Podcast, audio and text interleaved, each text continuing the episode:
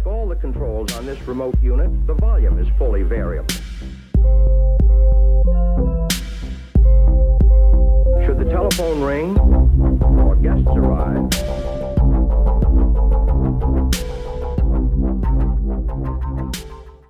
Det har kommit jättemycket frågor. Jag ska försöka adressera så många av dem jag hinner nu under resans gång. Nu har vi dryga en halvtimme på oss här. Eh, jag tänkte mer försöka berätta vad som kommer i er vardag. Blink och ASA vet ni, det, det, det, det hade vi klarat ut. Nu har vi NOAK i klinisk vardag. Och då kan man fråga sig, eh, varan. Sverige är världens bästa varanland. Vi är bäst i världen på att sköta varan. Eh, vi har väldigt låga frekvenser utav hjärnblödningar och andra blödningar. Vad många tror är att varan är Mr 100%. Det är det inte. Vi har en riskreduktion på cirka 80% så det är inget konstigt att patienter på varan får en trombos eller får retrombos. Så man behöver inte kasta sig över och, och förstärka upp och leta efter cancer och så om inte det finns uppenbara tecken. Men många tror att det är hundraprocentigt skydd, men det är inte det. Så att det, jag brukar säga det på, om man har 100 patienter på välfungerande Maran så kommer två trots detta att få ett stroke eller få en ny trombos i benet. Någonting. Och det, det är nog bara vanlig biologi som inte är.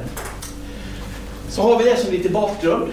Man behöver gå 15 gånger per år, prova sitt varanvärde för att kunna sköta det i normala fall. Eh, det där har naturligtvis varit bäst i test fram till 2009. Eh, man har en stroke-reduktion på drygt 70 procent. Man har faktiskt en mortalitetsreduktion på 25 procent. Det är rätt häftigt. Det är faktiskt bättre än penicillin vid öroninflammation. Eh, numbers to treat ligger på 10 ungefär. Sådär. Så det är faktiskt rätt så häftigt. Eh, men det är ju jobbigt va? Det är ju bökigt att hålla på med. Nu har det då kommit kan man säga två klasser. Det har kommit faktor 2-hämmarna, faktor 10-hämmarna. De här faktor 10-hämmarna det är egentligen inte annat än lågmolekylärt heparin på burk. Eh, det, det är samma typ. Va? Eh, vi hoppar, vi tar bara det som är intressant nu för er. Jag vill bara peka på det. Time to peak. Två, tre, tre, en och en halv timme. Inom tre timmar från att patienten har tagit sin tablett har de terapeutisk koncentration. Precis på samma sätt som om man ger lågmolekylärt heparin. Samma profil. Är ni med? Enda skillnaden är att de här behöver inte ha antitrombin för att verka. Eh, och eh, halvan, T-halvan, är 10, 10, 10, 10, ungefär, ungefär 10-12 timmar. Under det att vi har normal njurfunktion räknat som estimerat BFR. Interaktioner. Jag brukar, egentligen skulle vi kunna sätta kryss över alltihopa det här. Därför att det är väldigt lite interaktioner som, sak, som är av stor betydelse. Man kan säga så att vissa HIV-läkemedel, vissa antiepileptika, någon enstaka antibiotika kan vara intressant. Men oftast är det så att de här antibiotika, till exempel, de ges under tio dagar. Så det saknar också då egentligen klinisk betydelse. Det är egentligen HIV-läkemedel, antiepileptika och så några typer av cytostatika som skulle kunna vara intressant. Annars är det fritt fram för det mesta när det gäller de här. Njurarna 80, 30, 25, 35. Antidot, ja, på den här. Nej, nej, nej. Och så naturligtvis varan har vi ju PCC då och Plexi som man kan använda. Eh, är de här bättre än varan? Och då, då, det är en missuppfattning man hör. Många säger att de är bättre än varan. Och svar, mycket, mycket enkla svaret på den frågan är nej. De är inte ett dyft bättre än varan. Eh, och då kan man luras av såna här fina kurvor som ni ser här. Va? Att det, liksom allting talar här. Alltihopa det här bygger på att man har mindre hjärnblödningar med NOAC. Och det där är inget komplicerat att förstå heller därför att hjärnan är väldigt rik på tissue factor. Ni kommer ihåg nu sa jag att tissue factor aktiverade eh, koagulationen och då är det så att tissue factor, faktor 7 är den viktiga initiatorn. När man har varan så sänker man faktor 7. Upp, även upp i hjärnan då, där uppe om det börjar blöda. Va? Och då har man inte den initieringen. Däremot om ni har NOAC så har ni normal nivå av faktor 7. Och då får ni initieringen där uppe. Det är den mekanistiska förklaringen till att vi har mindre hjärnblödningar på NOAC. Uh, eh, så att ischemisk stroke, ja, likvärdigt, eller åtminstone inte sämre än varan. Uh, eh, hemorragisk stroke, klart sänkt. Interkariell blödning, klart sänkt. Sen är det så att de här drogerna har som grupp betraktat lite mer blödningar från gastrointestinalkanaler, från urinvägarna och från eh, livmodern. Och det har att göra med att de, varan är inte verksamt som antikoagulantia i mag-tarmkanalen. För det, det är ju fettlöst tas upp, det måste upp i levern innan det kan verka. Va? Medan de här prylarna, de är antikoagulanta nere i tarmen redan. Så har du någon liten blödning som står i tarmen så blir ju blödningen där. Va? Precis samma sak när de utsöndras via urinvägarna. Är ni med? Så kommer den där. Och vad vi nu lär oss på sista åren här är att kvinnor som får det här i fertil ålder eh, får megamenstruationer. Därför att under tiden när, när menstruationen kommer så transporteras de här via olika receptorer ut i uteruskaviteten och har man då en slemhinna som ska lossna så börjar den dö. Så jag har sett kvinnor som har haft normalt HB två menstruationsperioder senare har de kommit in med 34 i HB. Alltså förstår ni va? Så nu, nu är vi väldigt vaksamma så att yngre kvinnor som får det här säger vi till, du kommer att få en större menstruation, hör av dig. Vår första taktiska åtgärd då, cyklopatron, under tiden de tar det här. Va? Nästa taktiska eh, variant är att vi ger Octostin. Men det, det, det, det, är kanske inte någonting som ni kanske ska pyssla med. Det är mest att man vet om det. Eh, men det är ju bra det här. Va? Och då kan man säga så här, hur funkar det här då i världens bästa varanland? Eh, och eh, då kan man säga så här, vi har publicerat nu och sett att vi får precis samma tendenser som i randomiserade kontrollerade studier på, på, på det här. Va? Så att det funkar jättebra i Sverige. De tar tabletterna en eller två gånger om dagen. Vi har i princip dragit ner all blodprovstagning till en gång om året eller så följer vi njurfunktionsvärdet bara för att se när de trappar av. Va? Så det, det, är så vi funkar idag i Sverige. Va? Och det, här, det är därför jag säger till er, den här bilden har jag hämtat eh, från eh, Socialstyrelsen. Eh, Varan, när Noak kom 2009 här borta, så kan, kan ni se vad som hände i Sverige? Va? Det är rätt intressant. Varan har aldrig ökat så mycket som det gjorde då när NOAC kom. Va? Det är väldigt intressant. Va? Eh, det var mycket frustration. Men sommaren 2014 skedde brytningen. Så att vad som sker nu det är att Noak ökar och Varan bara faller. Så att idag hos oss, vi har Europas största antikoagulantiamottagning nere i Skåne. Vi har 15-16 000 patienter samlade på ett ställe. Eh, vi förskriver, utav 100 nyinsättningar så är det en Varan, resten är Noak. Så, så har trenden blivit nu. Och det där stämmer överens med resten av landet så det är inget unikt för oss. Eh, så ungefär 65 procent av alla våra patienter idag har NOAC och 45 35 får det bli va? 35 procent har, har varan. Och jag, om, om det här fortsätter, den här trenden fortsätter, så kommer vi om tre till fyra år och har en balans 90 procent NOAC, 10 procent varan. Så de som kommer att stå kvar på varan i framtiden är förmodligen våra mekaniska hjärtklappar och ytterligare någon patient. Vi är med i studien nu så att vi behandlar barn ner till 10-årsåldern med NOAC. Vi är med i en studie nu där vi behandlar barn mellan 0 till 3 månader med NOAC. Är ni med? Så att det här på, på något sätt så kommer och vi håller på att lära oss hur vi ska hantera NOAC på njursjuka patienter. Så att vi, ni, ni kommer att vara med om skiftet när, när Varan på något sätt försvann ut och det här kom in istället. För er del så kan man göra den här sammanfattningen om vi har 300 000 patienter i Sverige. Eh, som alla får NOAC på något sätt nu. Va? Så kan jag säga, 2000 kommer att få stroke trots att de har det här. Men det, var ju, det, det ska vi förvänta oss. Det här var inte 100 procent. 6000 patienter kommer att få en så kraftig blödning på NOAC att de kommer att landa inne på sjukhuset där ni måste ta hand om dem. Majoriteten kommer att vara en lugn och stillsam gastrointestinal blödning på en hyfsat opåverkad patient. 2000 patienter kommer att behöva akut kirurgi. Och det är där som ni kommer in. Ni, jag tror ni kommer att vara med där och där. Och, och ta hand om de här. Och eh, vi kommer att preventera drygt 30 000 tromboser. Så ungefär 6, 6, 8, 10 000 patienter kommer att få någon typ av komplikation. Så det här vet vi. Och det stämmer de här siffrorna.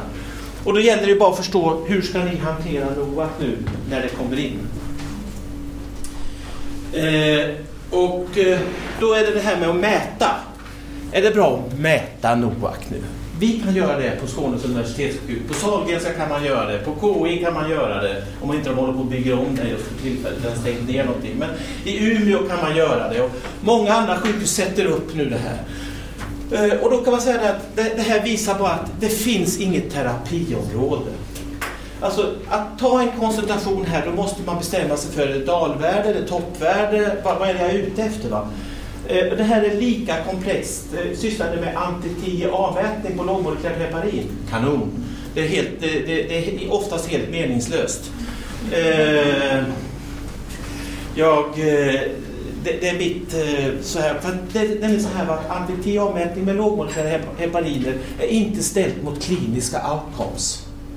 Det är samma sak som de här värdena jag visar här, Det är inte ställt mot kliniska outcomes. Det vill säga vi vet inte att patienter som har höga värden blöder mer. Det är väl högst rimligt att tro att det är så. Det är väl så, va? men vi vet inte. Samma sak vet vi inte om lite lägre nivåer skulle ge ökade tromboser. Hur som helst så, så har vi satt upp det här. I Skåne mäter vi extremt lite.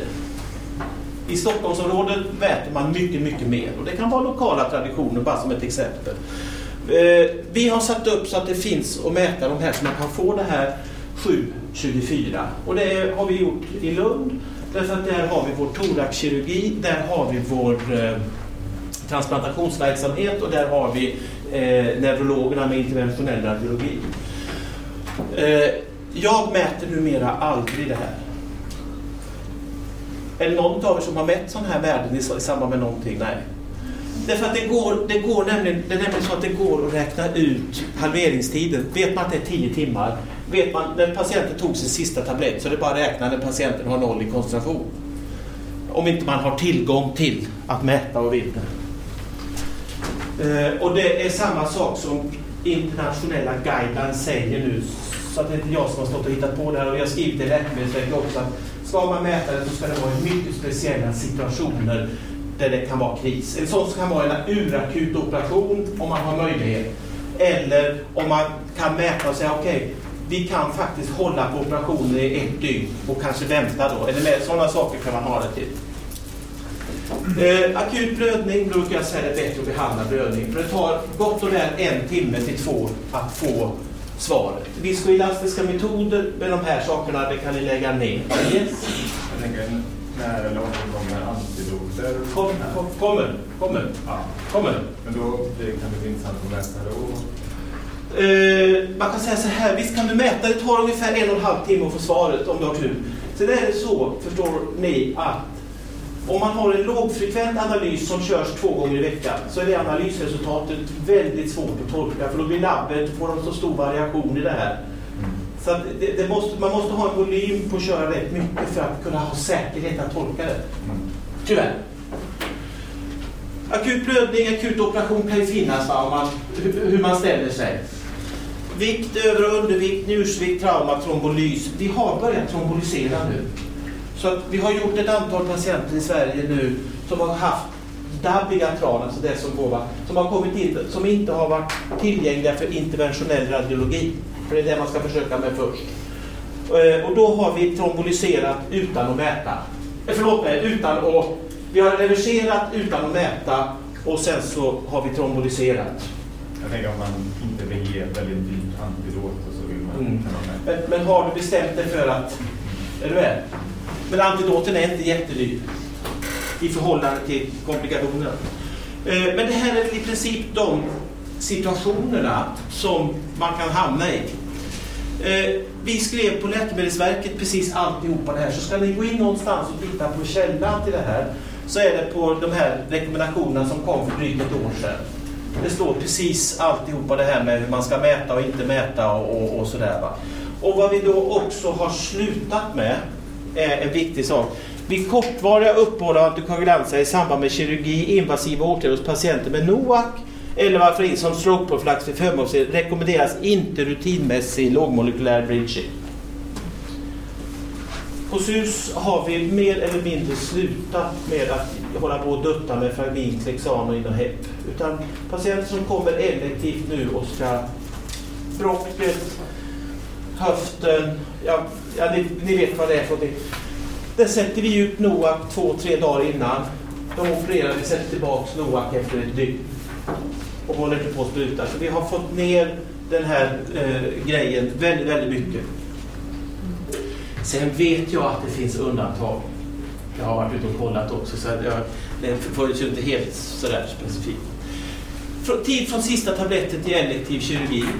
Då har vi sagt att för de flesta lågingrepp så räcker det att göra uppehåll ett dygn, 24 timmar. För då vet man att koncentrationskurvan är på väg neråt. För de flesta så är det två dagar. Om estimerat, vet ni vad estimerat GFR är?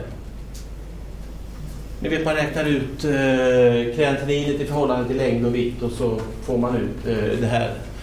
Eh, och då ska man ligga på, lägger man över 30 så är det liksom aldrig något problem, då hamnar man där. Har man faktor 10-hämmarna och ligger där så är det tre dagar och när det gäller dabigatran om man ligger där så är det fyra dagar. Det beror ju bara på att de utsöndras mer via njurarna.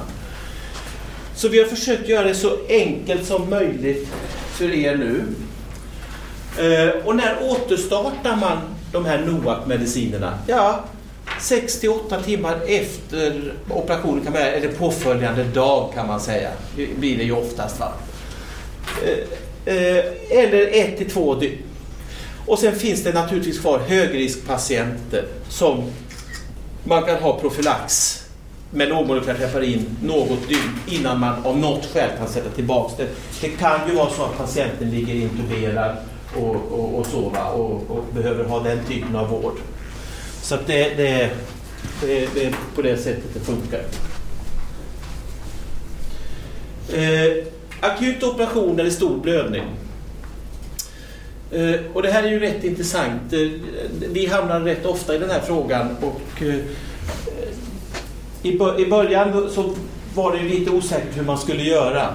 Eh, vad som det nästan alltid handlar om nu det är akuta höfter, akuta bukar. Det är i princip de två sakerna som det här handlar om.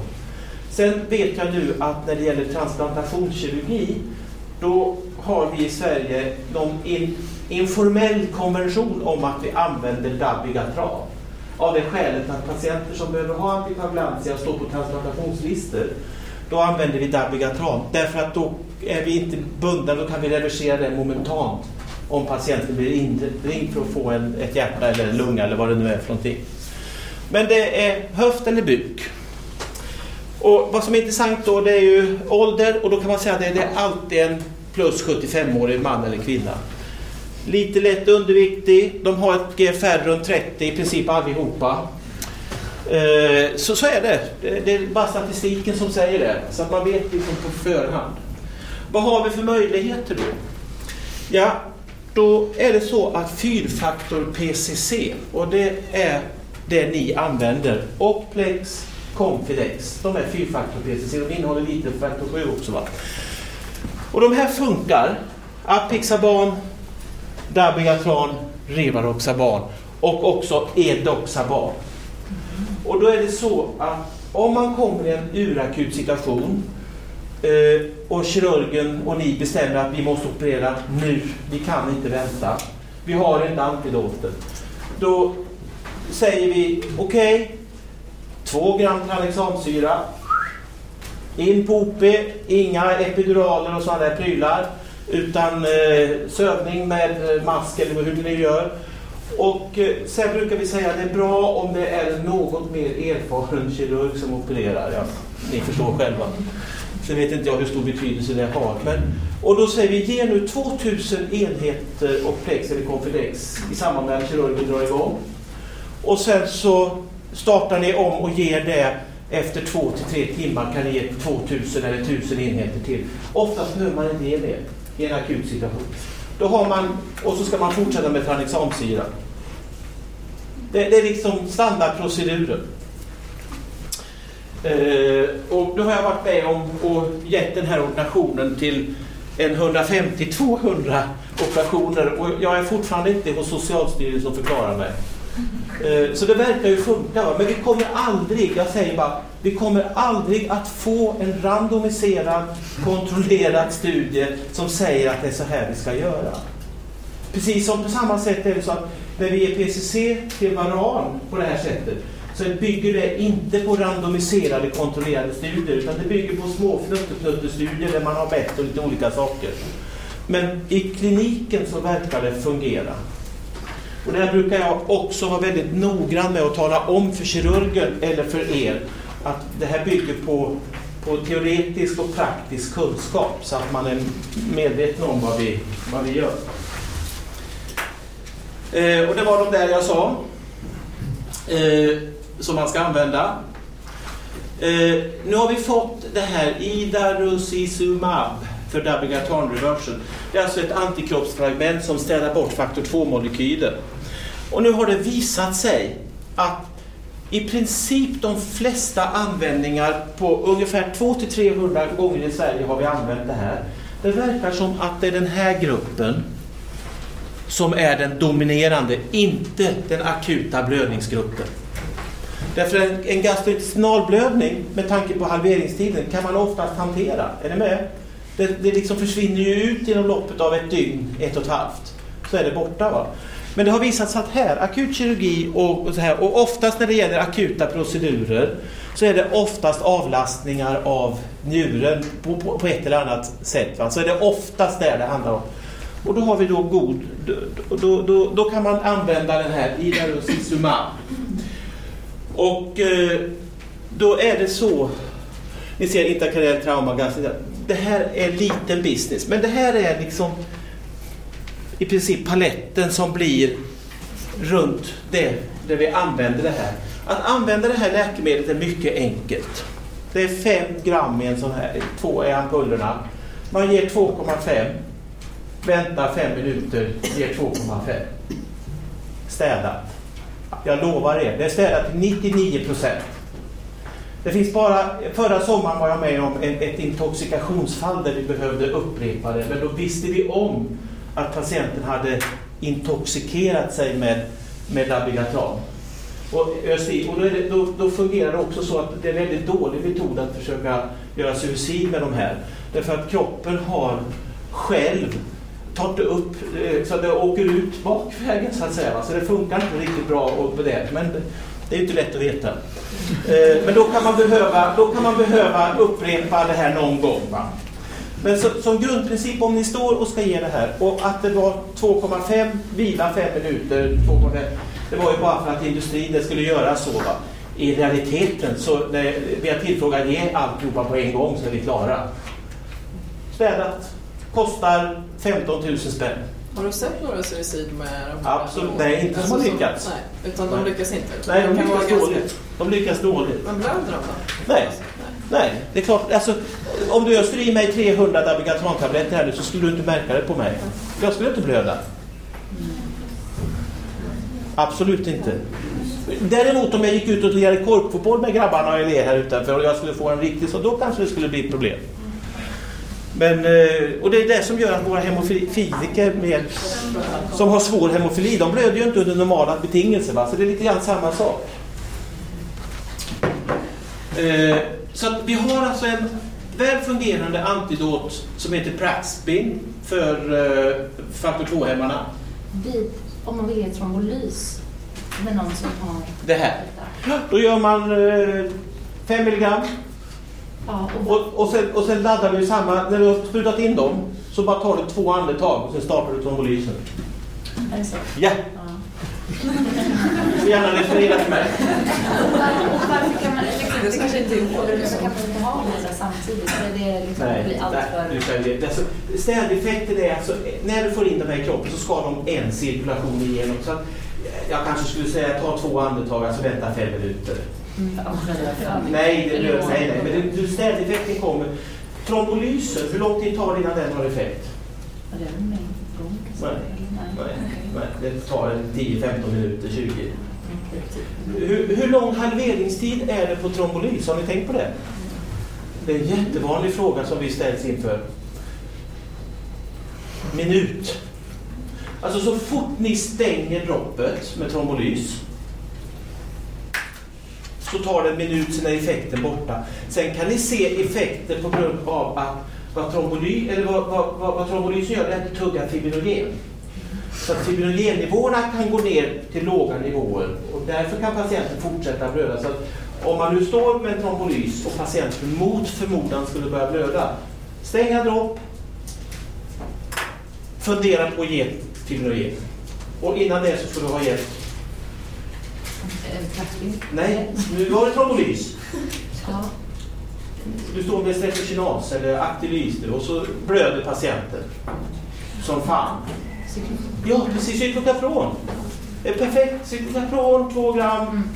Så det blir alltid en avvägning. Eh, vi kommer sannolikt att få en antidot mot faktor 10-hämmarna. Eh, den, kommer, den heter numera Andexanet, en liten molekyl. Den kommer att vara rätt så trickig för er att använda, tror jag. Den kommer att vara så att man behöver ge ett kontinuerligt dropp. Och så fort ni stänger av droppet så kommer antikoagulantia-effekten tillbaks. Eh, så hur, exakt hur vi, eh, FDA har tackat nej i nuläget till den här. EMEA, vår europeiska, kommer förmodligen att säga ja, jo, vi köper nog kanske lite grann på det. Va? Men, eh, så att det kommer vara lite trickigare att använda den här. Och det, här det, det kommer nog förmodligen mest att kunna vara i akuta kirurgiska situationer man måste gå in. Att man kan ge droppet, men då, då måste man ju köra det droppet tills drogen är ute ur kroppen, alltså kanske 10, 12, 15 timmar. Så det, det, vi, vi vet inte riktigt hur man kommer att kunna använda det här i vår praktiska sjukvård. Det kommer inte att vara lika lätt som med Praxbin. Kommer Astra med det här antikroppsfragmentet mot Brelic så kommer ni att ha en likartad mekanism att ni sprutar eh, det här antikroppsfragmentet och då kommer effekten av Brelic att försvinna så. Och då kommer ni ha ett skarpt vapen i de situationerna också. Eh, några rader runt trombocythämmare. Eh, och då, då ser ni här nere, det, det här ligger på en hemsida som heter SSTH. Eh, eh, och det är vi ett antal personer som har skrivit ihop. Men här står det då reverseringseffekt. Antidot finns ej, finns ej och så ser ni va. Men Desmopressin, ASA, men sen är det trombocytkoncentrat som gäller. Så, som, om, om man nu står med en blödningsproblematik. Man kan mäta trombocytfunktionerna med olika typer utav sådana här mätmetoder. Eh, de är, man kan säga så att det är, det är nästan lite grann åt experimentell medicin när man håller på med det. Man får någon typ av mått på att trombocyten är påverkad eller trombocyten är mindre påverkad. Och vi hos oss har valt att sätta rött, gult och grönt bara för att kirurgen ska fatta. Grönt då får man göra vad man vill. Gult så ska man tänka och rött då ska man ringa och fråga en vän. Eh, nej men det är jätte... Ja, och att, det, det är inte för att liksom raljera utan det var bara för att göra det enkelt. Därför att det är jättesvårt att tolka de här resultaten. Det är lika svårt att tolka det här som att tolka anti-TEA vid lågmolekylärt heparin. Jag lovar er. Eh, därför det finns inga hårda endpoints till de här laboratorieanalyserna. Så det ska vara med, med, med mycket gott omdöme och, och, och förståelse som man använder dem. Det är därför jag säger så.